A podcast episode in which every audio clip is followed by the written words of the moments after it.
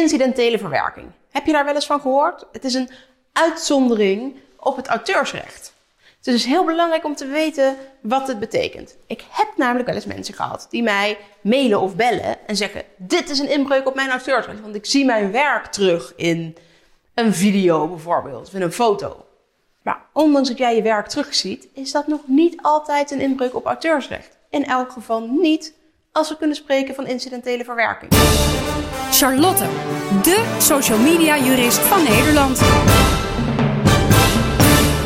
Incidentele verwerking is misschien een wat lastig begrip. Ik leg het uitgebreid uit in mijn boek Contentrecht. Daar geef ik een aantal mooie voorbeelden. Incidentele verwerking wil eigenlijk zeggen dat er een werk van iemand, bijvoorbeeld een foto of muziek of uh, een illustratie of een kunstwerk, te zien is of te horen is in een ander werk. Maar dat dat niet zoveel is en niet zo nadrukkelijk is. Dus hè, in kwantiteit en in kwaliteit niet zoveel is dat het een inbreuk kan maken op het auteursrecht. Stel nou dat je um, aan het vloggen bent, video's aan het maken bent en uh, je zet muziek heel specifiek aan omdat je daar een dansje op wil doen. Nou, dan is die muziek dus heel erg belangrijk voor je video. Het gaat misschien ook wel om je dansje en misschien dat dat het allerbelangrijkste. Maar ja, zonder die muziek ben je nergens. Nou, dan is dat dus geen incidentele verwerking. Ondanks dat je misschien kunt zeggen dat het wat meer op de achtergrond te horen is.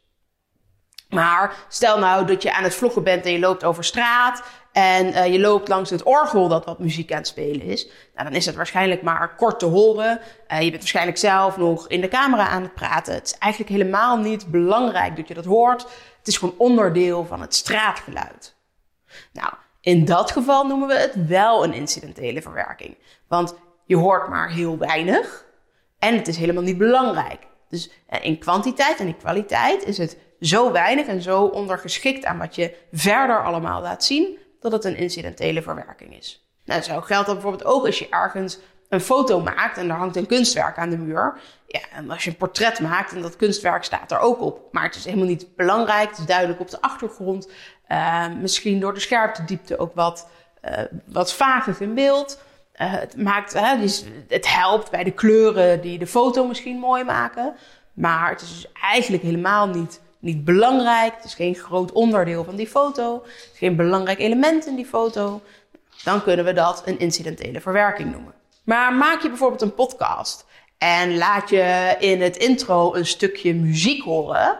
Ja, dan is dat dus heel belangrijk voor dat intro. Je hoort waarschijnlijk verder ook even niks, want daar zegt nog niemand wat. En dan kan het wel kort zijn, dus in kwantiteit misschien weinig, maar in kwaliteit is het dus opeens heel erg belangrijk dan is het geen incidentele verwerking meer.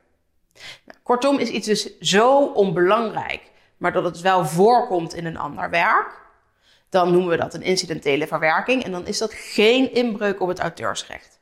Er hoeft dan dus ook geen schadevergoeding betaald te worden. Naamsvermelding is niet nodig. Dit mag gewoon.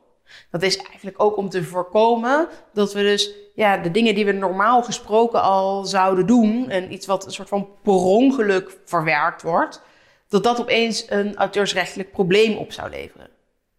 Neem je het dus bewust op, is, het, is er heel veel van te zien, of is het heel duidelijk te zien of te horen, dan is het geen incidentele verwerking meer. Dan is het gewoon een inbreuk op auteursrecht. En dat betekent dus dat je toestemming nodig hebt, of dat als iemand er achteraf achter komt, dat je schadevergoeding moet betalen. Ben je er nou niet zeker van of hoe jij iets gebruikt hebt, of dat een incidentele verwerking is of niet? Maak dan even een afspraak. Dan drinken we er een oploskoffie op en dan kan ik je het antwoord waarschijnlijk wel geven. Of je in elk geval vertellen wat je risico's zijn.